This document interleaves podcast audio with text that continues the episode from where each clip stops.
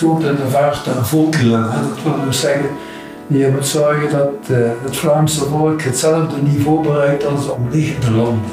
En dat was dus wat de algemene taal betreft. Het is verrassend hoezeer een Belg altijd aan zijn regio vastzit. Iedere Belg is, en hij weet dat, of hij of zij weet dat, is een West-Vlaming of een Limburger of een Antwerpenaar. En weet dat. De Vlamingen uh, standaardiseren niet. Gewoon omdat ze niet naar elkaar luisteren. Dat is het probleem. Daar heb je kuddedieren voor nodig om, om precies te willen praten zoals je buurman. Maar een Vlaming denkt, ja, die buurman die zegt dit, maar daar heb ik niks mee te maken. Uh, dat doe ik niet. Kinderen van het ABN gaat over het Nederlands in het naoorlogse Vlaanderen. Het is een verhaal van overtuigingen en acties in een maatschappij die in een hoog tempo veranderde, moderniseerde en emancipeerde. Tot nu toe zijn de mensen aan het woord gekomen die op de een of andere manier mee aan de knoppen hebben gezeten, voor en achter de schermen, als activist, rolmodel of adviseur. Maar dat zegt weinig over de taal van de gewone mensen. Van mensen die niet zo lang naar school zijn geweest. Of die dokter, ingenieur, vroedvrouw, IT-medewerker werden en voor wie taal er gewoon is, net zoals het weer. Dit is de aflevering van Jan, Lijn, Louis, Josefa, Jos, Annie, Ludo, Maurice, Annelies, Johan, Caroline, Hans, Lisbeth, Mark, Luc, Cindy, Joris en Sven. Ze vertellen ons het verhaal van hun taal, hun Nederlands, hun dialect, hun variëteit en welke rol die in hun leven gespeeld heeft en nog speelt. Dit is aflevering 4, De Vaart der Volkeren. Twaalfjarige leeftijd zijn ik uh, van school gestopt. Um, ik ben naar school geweest tot ongeveer mijn 14 jaar en dan heb ik nog twee jaar na school gevolgd. En dat was het voor mij een kwestie van leren. Tot 14 maar. Tot 14. Want ik moest er nog worden. In, in, in, juni was het school gedaan, maar ik was aan het ervoor, want ik, ging al werken in Brussel in, in, in een kliniek. De school aan de, de Amerikalei, de meisjesschool, tot 1957, dat was gruwelijk. De Franstalige kinderen konden langs de Amerikalei binnengaan. Chique, grote in, inkomenhal. En de Vlaamse kinderen moesten langs de achterkant, in het achterstraatje, mochten daar binnen. En één keer per jaar mochten ze samenkomen. En la fête du Saint-Nicolas. En dan mochten de Franstalige kindjes voor die arme zusjes, dan Nederlands sprekende, mochten geschenken meebrengen. Wij moesten Frans spreken op de speelplaats. Absoluut verplicht. Er was geen, zoals in andere scholen, in Gent was er een, een presentatie waar men de carnet hanteerde. De carnet was een schriftje waarin de namen van de leerlingen genoteerd werden die betrapt waren op Nederlands spreken. Dus een soort verklikkersspel. Maar dat is niet blijven duren. De hogere humaniora vanaf de derde en poëzie en retorica is dat wel veranderd. Dan was het afgeschaft. Tot vlak na de Tweede Wereldoorlog was Vlaanderen een hiërarchisch geordende maatschappij met verschillende sociale klassen. Die sociale klassen onderscheiden zich op verschillende vlakken van elkaar, onder meer door hun taalgebruik. Meneer Stas was de grondeigenaar en de eigenaar van de huizen hier. Die stond boven u. Die, die was eigenlijk Franstalig en als hij met de mensen hier sprak, was dat zo, ja, dat Frans Frans-Nederlands, of ik weet niet hoe dat ik dat eigenlijk moet uitdrukken. Uh, Nederlands dat je moeilijk kon verstaan. Ja, die probeerde Nederlands te, uh, te praten, maar uh, dat lukte niet goed. de notaris was Franstalig en daar waren ook nog nazaten van in der tijd de ingenieurs aan het kanaal. We zagen die wel, maar die stonden ik weet niet hoe hoog boven ons, hè, dus mm. wij waren het gepeupel. het gepeupelsprakdialect. En uh, het goede gepeupel kende al wat beter ABN. Dat enkele families die ja, zich uh, wat beter voelden en uh, die dan ja, ook zo'n soort algemeen Vlaams spraken. Als wij bij, bij de dokter kwamen, moesten we proberen netjes te, te spreken. Bij meneer Stas probeerden wij dat netjes te spreken. En ja, zo de pastoor. Nu staan die gelijk, maar toen stonden die echt boven. De boeren en de arbeiders spraken dus in het dagelijkse leven dialect onder elkaar. Maar als het moest, konden ze wel netjes spreken. Waar hadden ze dat dan geleerd? En op school werd er aangeleerd hoe dat we moesten spreken en lezen en zoiets allemaal. En, en schrijven en zo. En dat was automatisch. De kinderen onder elkaar, het ging gelijk dat wij in de klas moesten spreken. Hè. Ook op de speelplaats? Ja, ja, ja. Ja, want dat, dat Werd erop gelet? Daar stonden de nonnetjes bij om te luisteren. Hè. Ja. Allee, de, die hielden toezicht en die gingen op de speelplaats rond. En natuurlijk, dan moesten we wel netjes spreken. Hè. Onder elkaar dialect. En in de klaslokaal moest natuurlijk netjes spreken. Hè. En dat was een heel speciaal, een speciale meester Vermeulen. Want die, die uh, voor de S te leren uitspreken, uh, tekende hij een groot pannenbord met dan een grote worst in. En dan moesten bij die allemaal bakken. Ah. ja. klas was het algemeen Nederlands. Dat was uh, verboden om uh, dialect te spreken. Dat was in die tijd was dat, mocht dat gewoon niet. Ja, ja, daar werd je eigenlijk daar werd je voor gestraft. Ja, ja, uh, daar mocht je straf schrijven. Elke taal had dus zijn eigen plaats. Dialect was voor dagelijks gebruik, algemeen Nederlands of wat daarvoor door moest gaan, voor speciale gelegenheden. Ja, ik heb in de jeugd geweest, BEB toen. Wat, dat, dat de Belgische Jeugdbond. Dat zegt boer, Boerenjeugdbond Boer. was. Elke jaar hadden die een toneelvoorstelling. Daar heb ik ook toneel meegespeeld. Nee, nee, nee, nee, dat was niet in dialect. Nee, nee, nee, nee, dat was in het heel proper Nederlands. Ja. En dan, uh, dan leerde ik mijn rol onder het werk. Ja, als mijn boterhammetje ophaat, pak ik mijn boekje en ik heb nooit geen, geen, uh, geen problemen gehad. Elke groepering of elke, die speelde eigenlijk een toneeltje. Zoals de, de harmonie en noem maar op. Die, speelden, die hadden allemaal een toneel en dan konden we allemaal als jonge mensen daar naartoe. Mijn ouders spraken netjes tegen die leerkrachten in als ze op oudercontact gingen bijvoorbeeld of in school. Maar als zij die dan tegenkwamen buiten school, dan spraken die ook anders tegen, tegen die leerkracht. Dat is iets heel raar eigenlijk. En er waren leerkrachten bij dat zelfs familie was van ons. Ja, dat die tegen elkaar in school netjes spraken, hoewel het familie was. En dat die, als die elkaar tegenkwamen in de winkel, dat die anders spraken. En dat ik daar dan bij was en dat ik dacht van, ah, die, die, die spreken eigenlijk niet anders dan wij thuis. In de jaren 50 ging de leerplicht naar 15 jaar en moest iedereen minstens drie jaar naar het middelbaar onderwijs. De handarbeiders gingen naar de vakschool. Er kwamen meer rijkscholen, gesubsidieerd door de overheid. Een diploma hoger middelbaar werd ook haalbaar voor kinderen uit de lagere sociale klasse. En Latijn-Grieks was in de jaren 60 geen absolute voorwaarde meer om naar de universiteit te mogen kwam uit het economische. Dus het was het eerste, dat was eigenlijk de vuilnisbak afdeling. Zo, hè? Want je had Grieks-Latijns en je had wetenschappelijke A. En dan was er nog een restje dat in zo'n uh, zo'n aparte klas zat.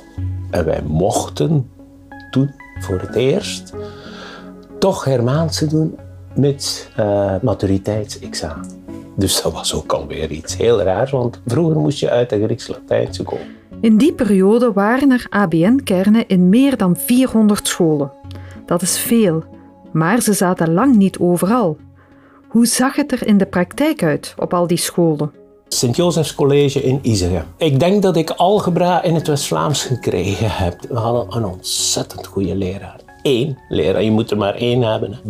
Ja, je probeert zo goed mogelijk Nederlands te spreken tegen die ene leraar. Maar voor de rest uh, ik denk niet dat er iemand in onze klas was die behoorlijk Nederlands sprak aan het einde van de humaniora. Als ik in Mazeik zat, daar waren ze zo los met taal dat onze leerkracht, de, uh, Duits niet Engels, die gaf les in dialect. In plat Mazeiks, hè. Ja, Engels heb ik in plat Mazeiks gekregen. maar de leerkrachten Nederlands alle leerkrachten Nederlands die ik heb gehad, waren wel echt taalliefhebbers, Nederlands liefhebbers. Dus, dus in zoverre de liefde voor de taal, voor het echte Nederlands, dat heb ik wel gekregen. Maar niet hameren op de ABN. Maar dat was een leerkracht van, ik denk de Senderlo. En het was ergens iets met, um, ik ben dat nooit vergeten, ik heb dat goed onthouden, met schouw en gauw. En in de router in schouw. Schouw hè. Dus, en die was daar heel heftig op, dus dat moest juist uitgesproken worden. Dus als in de klas, als wij met elkaar zo, dan durfde je wel eens, dat, ja dat was plat, maar dialect, hè. leerkrachten spraken Nederlands. Als je dus met een leerkracht sprak, sprak je ook Nederlands. En met je, met vrienden, ja, dan was het uh, dialect. Ik, ik, kan me alleen maar herinneren toen uh, dat we niet uh, dialect mochten praten. Dat, toen waren we um, daar. Uh, dat leefde onder de, ja, onder de kinderen van het mocht niet, dus we doen het wel, want het is ons dialect. Dat was algemeen Nederlands, ja. Je moet je voorstellen, je zit met een school waar leerlingen zijn van de kust, van Antwerpen, van West-Vlaanderen, Brabant, Limburg. Als iedereen zijn eigen dialectje begint te spreken, ja, dat, is, dat is om zeep, dat gaat niet. Dus daar werd gepousseerd. Ze moesten in feite niet pousseren. Het gebeurde automatisch dat je ABN tegen elkaar sprak. Werd er ook ABN geleerd van de radio en televisie? Van hier spreekt men Nederlands. Ja, tot omdat ik aan, je geleerd het, je leert van altijd iets, hè. je leert altijd iets bij. Hè. Ook als kijken wat die allemaal te vertellen hebben en soms was dat plezant. Onbewust houd je er altijd zaken van over. Bewust naar gekeken en, ge en naar geluisterd en, en waarover ze het hadden en soms eens mee gelachen. Ja. Soms waren daar uitdrukkingen of, of dingen die ze aanhaalden. Dat, zeggen, dat wij zeiden, waar zijn ze nu mee bezig? Die een uithoek van Mazeik.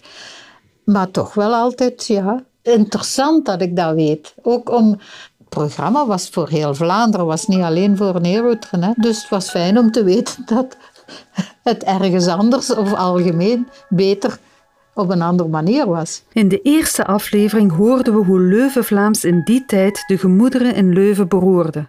Maar drong dat ook door in de rest van Vlaanderen? Ik denk dat de leerkrachten dat niet aandurfden voor daarop in te gaan. Dat die geen slapende honden wilden wakker maken. Onze leraar wiskunde, wiskunde, hè? ja, dat de wetenschappelijke.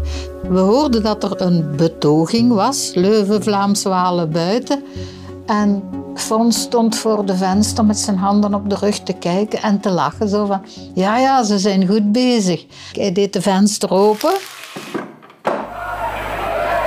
Hoort eens, zegt. En hij keek, keek zo naar ons. Allee jongens, maar wacht je op naar buiten. Die stuurden ons de straat op. dus we zijn gegaan. Leuven, Vlaams, Walen buiten, ja, ja. Voor het eerst waren er nu ook veel studenten die niet uit de elite of de middenklasse kwamen. Zij waren vaak de eerste van hun familie die hun geboortestreek verlieten en samenleefden met mensen uit andere regio's. En botsten op de grenzen van hun dialect. Qua taal in, in school was ABN natuurlijk echt wel Nederlands, omdat we een Nederlandse landstalige school waren. En onder elkaar was dat heel grappig, want het was een internaat, dus na school waren wij ook altijd bij elkaar. En dat was een mix hè, van dialecten. Oh, ja, Iedereen oh, zijn eigen dialect? In zoverre dat verstaanbaar bleef voor de anderen natuurlijk. Hè. Ja, dus je past het een beetje aan zodat het verstaanbaar werd? Uh, veel aan, want, aan. want een West-Vlaming begrijpt niks Mazeiks en een Mazeikenaar begrijpt niks West-Vlaams. Dus dat werd, ja, werd aangepast, maar het bleef wel herkenbaar. Ja, ja, heel duidelijk wel. En dan uh, ook vragen, hè, van wat bedoel je nu daarmee of wat zegt je nu? Ah, bij ons zeggen we dat zo. Ja. Dat was een mix van alles. Hè. En daar sprak ik ABN, dat weet ik. Maar uh, sommigen spraken dialect daar, hangt er een beetje vanaf wie en wat. Mensen durfden ook statements te maken. Door Nederlands te spreken waar het Frans gangbaar was. En zelf weigeren ook van, met dienstoversten of met artsen, weigeren van Frans te praten. Hè. Zelfs als een arts geen Nederlands kon en het, de uitleg in het Frans deed, antwoorden in het Nederlands. Ze moesten maar zien dat ze het verstonden. En dan als we buiten school waren, in, in, in een café, in een restaurant, op, op de tram, uh, ook altijd koppig Nederlands spraken. Hè. Ik, ik, herinner me nog dat we ergens in iets gingen eten en iemand bestelde een, een croque monsieur of een, toast met ei. En die garçon deed dan al moeite om het te verstaan. Met ijs, zei die. Nee met ei. En hij wou dat niet begrijpen. En we zijn allemaal collectief buiten gegaan. Omdat hij geen ei wou verstaan. IJsden was eigenlijk een uitzondering ten opzichte van de andere mijnen. Omdat wij hadden dus een directeur, en die heette meneer Van der Put. En meneer Van der Put was een flamingant. Echt waar, en een echte flamingant. En dus in, terwijl ze in alle andere mijnen heel hoofdzakelijk Franstalige benamingen gebruikten voor alles, was dat in IJsden in het Nederlands. Dus eh, die is er zelfs ooit in geslaagd om een, uh, een stroomtableau voor in de centrale, een groot en duurdere installatie die bij Assac uh, in Charleroi gebouwd was voor de, centrale van IJsden. En die kwam dan met een speciale wagon aan in IJsden en hij stuurde hem onmiddellijk terug. Omdat alle plaatjes die erop stonden waren in Frans. En die hebben ze moeten het Nederlands erop zetten. Zo ver ging die man. Steeds meer jongeren, ook uit boeren- en arbeidersfamilies, haalden een diploma hoger onderwijs en vonden een kantoorjob. Soms ontstonden er zo klassenverschillen binnen een gezin. Tussen ouders en kinderen of tussen kinderen onderling. Wat spraken de ouders uit die gezinnen met hun kinderen? Van begin af hebben wij daar gewoon tegen gesproken, gelijk dat wij altijd, altijd spraken eigenlijk. Het, het dialect eigenlijk. En die zijn naar school beginnen te gaan en die hebben in school gewoon Nederlands leren spreken. En in school deden die dat en die kwamen thuis en die, die spraken gelijk wij. En die zijn dan door later naar de universiteit te gaan en zo, hebben die dat wel voor dat dialect voor een stuk afgeleerd. En is dat bij ons zelf ook voor een stuk veel, min, veel verminderd? Ik denk nou ook wel dat mijn ouders ook wel, uh, ik zou dan zeggen, zo links en rechts toch ook wel een, een beetje Nederlands, algemeen Nederlands ertussen bouwen. Hè, maar voor op school niet helemaal buiten de boot te vallen. Maar ja, thuis toch wel, en een mate dat ik dan ouder weer, toch ook wel meer dialect weer, denk ik. Zelf ben ik niet in het dialect opgevoed. Ik vraag mijn vader en moeder waarom dat zo is. Ik ben getrouwd met iemand waar we afgesproken hebben tussen haakjes. Wij spreken ABN tegen elkaar omdat we twee totaal verschillende dialecten hadden. En daardoor zijn jullie ook als kinderen automatisch in het ABN opgegroeid. Verloederd ABN. Eigenlijk was dat al de taal ook dat we met elkaar spraken in Brussel. Toen we elkaar hebben leren kennen. Dus is dat zo verder gegaan. Was ik getrouwd met iemand van hier, dan werd geen dialect opgevoed. Binnen de gezinnen begon het dialect terrein te verliezen. En erbuiten stond het dialect ook onder druk in de dorpsverenigingen. Een fanfare thuis dan, dat was een, in, in, in de Westhoek in de fanfare.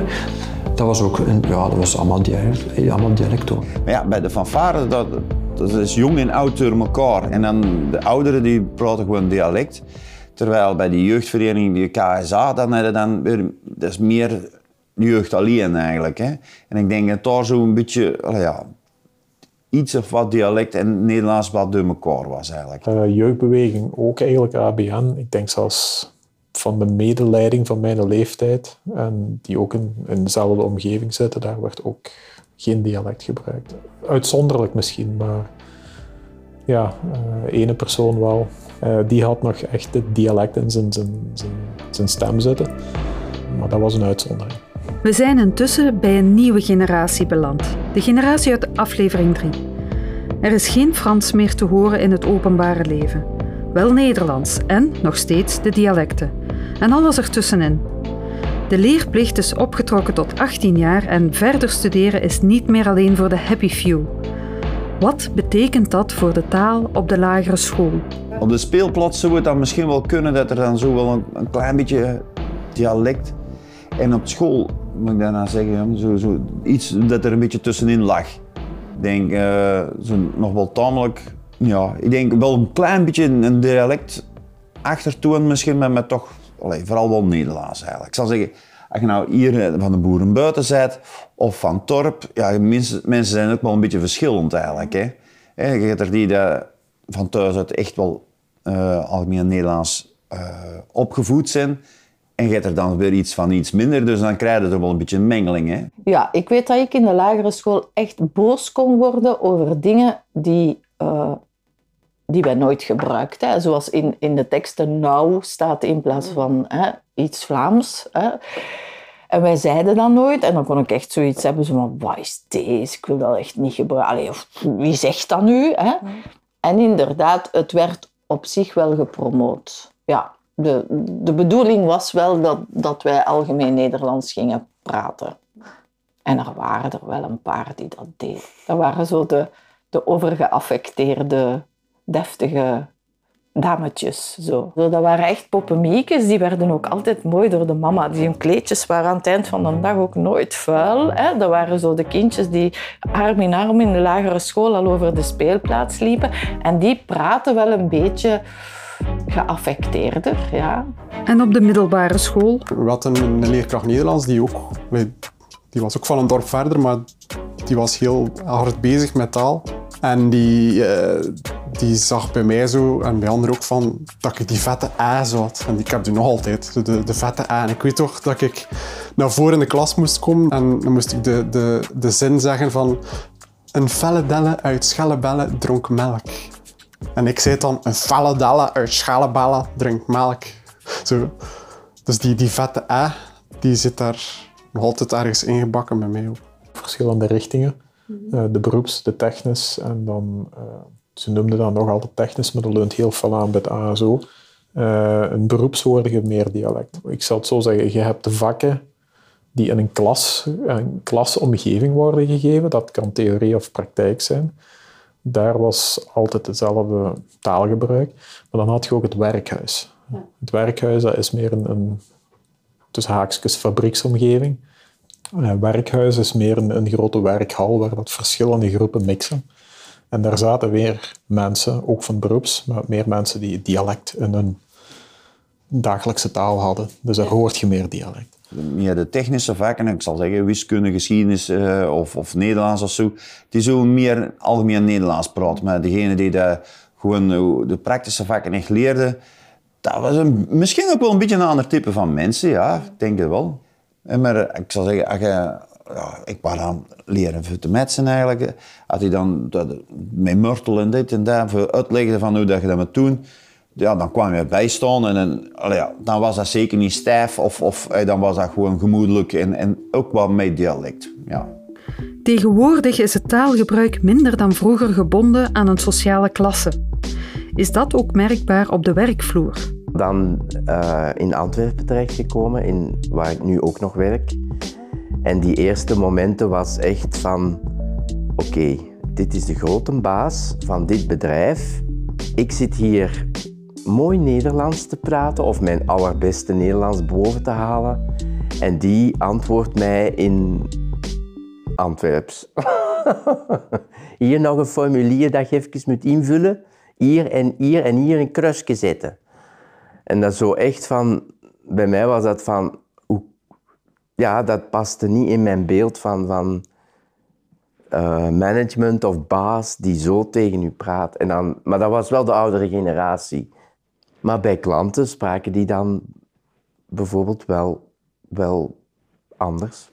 Nu is dat wel anders, ja. Nu spreken wij allemaal zo wel ongeveer hetzelfde. Mijn vader werkt hier recht tegenover op steenfabriek en uh, kreeg daar het aanbod voor daar gelijk te komen werken. En ja, allee, dus 18 jaar en je krijgt van, van, van de, de baas van mijn vader dan eigenlijk het aanbod voor daar te komen werken, zonder dat ik gesolliciteerd had. Toen ik daar begon, waren het eigenlijk allemaal uh, uh, werknemers van, uh, om maar heel simpel te zeggen, van rond de kerktoren. En naarmate de, de jaren vorderden eigenlijk, kwamen ze al langer van verder eigenlijk. Van, van ja, ik zal zeggen, niet meer van binnen een straal van 5 kilometer, maar al, al 20 kilometer of zoiets. En dan, dan heb je direct andere dialecten eigenlijk. En, en, en dan, dan wordt er misschien soms nog wel dialect gesproken, maar dan, dan, dan merkt al direct dat het ja, anders is. Hè? Kortrijk was echt West-Vlaams, omdat die dokters tegen patiënten ook West-Vlaams moesten praten. Hè? Ja, alleen, anders verstonden ze dat niet. Uh, hier in, in, in, Limburg was mijn eerste uh, aanvaring met Limburg. Was dat uh, Limburg, ja. Allee, was dat AN, met een beetje, van, van, met een, beetje een, een West-Vlaams accent. Van hen met nogal een, een groot Limburgs accent, vond ik dan zelf. Uh, maar het was wel AN, maar in Kortrijk was het echt wel West-Vlaams, ja. kan niet zeggen dat er iemand echt AN spreekt op de werkvloer. Bij mijn collega's uh, die dat de opnames doen en de, uh, de huisbezoeken bij de oudere mensen, dat die met iemand van families of zo aan het bellen zijn of die hebben een afspraak, dan hoor ik dat wel van, ja, die zijn dan wel echt gewoon algemeen Nederlands aan het spreken. Dan is dat wel niet in dialect of zo, maar voor de rest. In Brussel, ja, de, de meeste collega's daar waren uh, Franstalig. Dus als ik daarmee converseerde, was dat in Engels. Iedereen gelijk voor de wet. Um, allee, iedereen gelijk voor de wet. Dus Engels is voor ons allebei even moeilijk. Uh, de Vlaamse collega's die konden ook van alle kanten van België zijn. En als ik daar één op één mee converseerde, is dat het Nederlands. En dat is altijd ABN geweest. Met je taal maak je duidelijk wie je bent. Maar als je communiceert, moet je ook begrepen worden. En dan is soms de vraag: wie moet zich aanpassen? Mijn ouders hebben altijd Aarschots gesproken. Altijd. Die konden geen andere, hadden geen andere taal. En het plezante was, als ik thuis was en ik was met mijn ouders aan het praten, dan spraken wij Aarschots. Als mijn kameraden binnenkwamen, en die kwamen nogal veel binnen, was dat Doffies dialect van Ginder. Als ik tegen mijn kameraden spreken was en een Smalense pa zat erbij, achteraf besef je dat pas, dat, ik altijd overschakel van Aarschots naar het dingen. En dan komt mijn vrouw erbij. En die komt van de Maaskant. Dus als mijn kameraden er waren en mijn vrouw was erbij en mijn ouders... Dat was constant overschakelen van ABN. Want ik sprak ABN met mijn vrouw, want de Maaskant dat was een taal die daar niet thuis hoorde bij mij spreken. En dat was dus constant overschakelen tijdens het gesprek, maar dat gaat automatisch, daar moet je niet over nadenken. Uh, naar het ABN, naar het Aarschot, naar het Schulles of Berbrugge, of hoe je het wilt noemen. Dus thuis in huis klapte wel los Schots. En met mijn kameraden, dat klapte weer de taal van de streek. Ik denk dat ze dat redelijk goed kunnen horen als ik met mijn ouders bel. Telefonie. nee, dus dat, dat, dat, kunnen ze onmiddellijk horen. Dat springt vanzelf over op... Uh, ook, ook als ik bij mijn ouders ben, dan, dan switcht dat meteen. En ik weet niet hoe lang dat, dat duurt als ik terug thuis ben. Ik denk dat dat vrij snel terug switcht naar, naar uh, hoe dat ik altijd spreek. En dat switcht bij mij ook bijvoorbeeld als ik met uh, klanten uit Nederland bel. Dan kijken mijn collega's naar mij van, voelt u wel goed? We hadden een een vertaling over erfelijkheid. En dan was er een zin over onkels en tantes. En ik had bij de voorbereiding me wel de bedenking gemaakt van ja, ja, we gaan hier weer te horen krijgen dat we oom, oom en tante moeten schrijven. Maar sorry, nee, dat gaan we niet doen. Voor de Vlaamse markt is het onkels en tantes. Dus, en moest ik natuurlijk ook, we deden zo om de beurt een zinnetje. Uiteraard had ik een zinnetje met onkels en tantes. Eh, en dus ik lees mijn zinnetje voor. En is er zo'n Nederlander die zo zegt, nou, dat moet ik dan wel opzoeken hoor, onkel, dat kennen wij niet. En ik zeg, uh, ik zeg ja, wat denk je dat ik heb moeten doen met Suderans de eerste keer? Ah ja, en toen werd het stil. En dan denkt je, ja nee, hè, allee, dit is niet oké. Okay, was kwaad toen, ik was echt kwaad. Ik had echt ook zoiets van, ja, zoek het dan op. Hè. Als je Nederlands niet beheerst volledig, ja, dan moet je het opzoeken. Dat is waar, dat moet ik ook doen. Maar dat was duidelijk wel niet de richting in wat het ging. Mijn zussen wonen in Nederland. En tegen mijn zussen, Savan nog wel. Daar praat ik nog wel gewoon tegen. Maar als dan die, die kindjes, als ze dan klein waren, dan deed dat toch automatisch wel meer. Omdat ja, als ik iets in dialect zei, die verstonden mij dan ook gewoon niet. dus ja, dan, moest, dan pasten wij toch wel automatisch een beetje aan. Mijn vrouw in de familie heeft best nog wat Nederlanders. En ik betrap me eigen er soms dan op dat ik dan ook Hollands wil gaan praten. En dat wil ik niet eigenlijk. Hè. Ja, ik wil mijn eigen blijven. En, en, en, en ik, maar ik, ik merk toch wel dat ik mijn eigen precies altijd wel een beetje aanpas. Met, met wie dat je te doen hebt. De persoon bij wie dat ik eh, een paar keer op motorreis ben geweest, en, en die spreekt dialect. En dan voel ik mezelf wel eens uh, antwoorden en een, een, een, poging doen om zijn dialect zo wat te spreken, onbewust.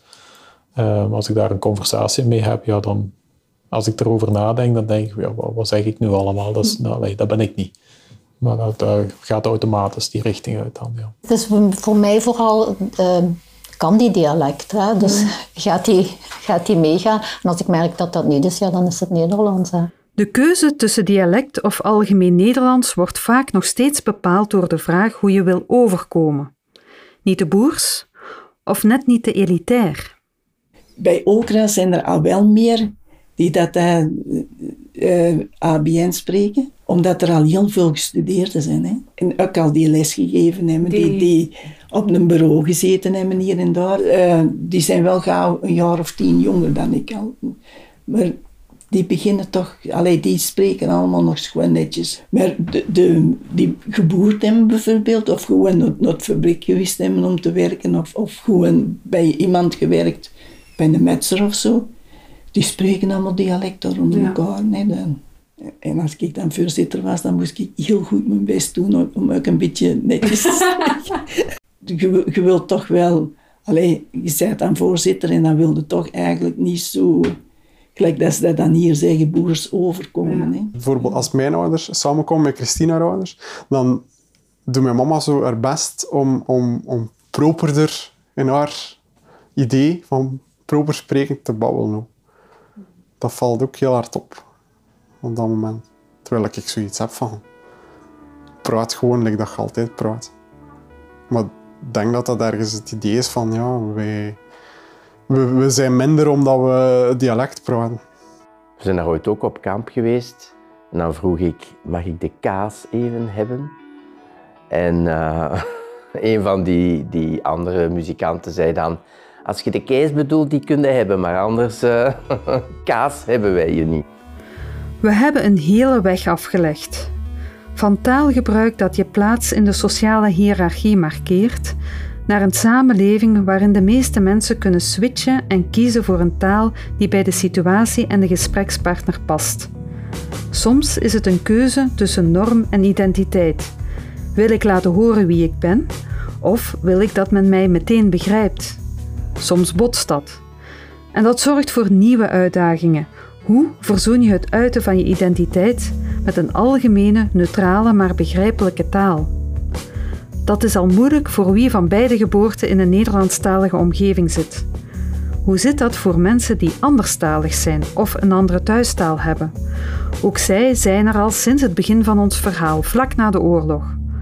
Wat voor Nederlands hanteren zij? Genk was op dat ogenblik in het Vlaamse land een beetje een speciaal geval.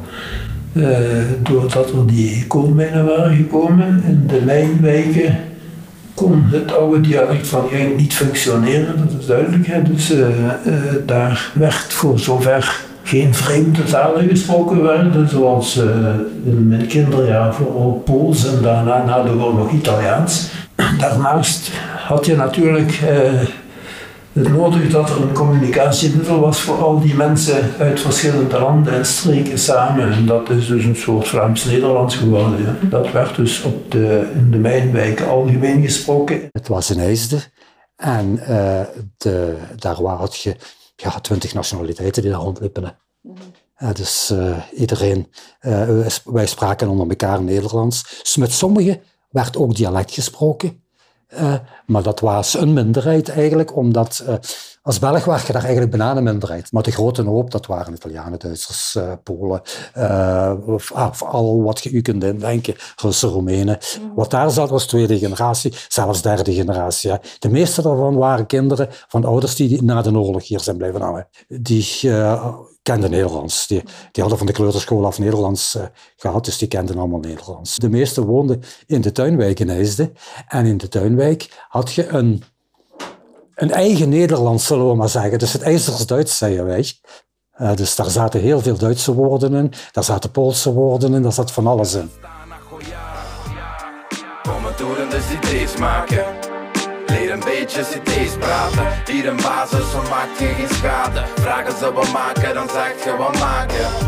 Ja, ik heb al een paar collega's uh, gehad die uh, van Poolse afkomst zijn. En dan gaat het toch wel automatisch wat meer naar het AN om iets duidelijk te maken of, of om iets te vertellen. Dan wel, dat ze het goed kunnen begrijpen. Die spreken heel goed Nederlands. Maar eh, ja, dan doe je dat automatisch toch wel net iets meer. De ene collega die woont al wel meer dan 20 jaar misschien zelfs in, in België. Op de werkvloer nemen ze dan toch die klanken over van, van ons aan. Hè? Bewust of onbewust, anderstaligen maken dezelfde keuze als moedertaalsprekers. Passen we ons aan of geven we een eigen draai aan het Nederlands? Jawel. Degene die in het tweede staat, blijft in het tweede.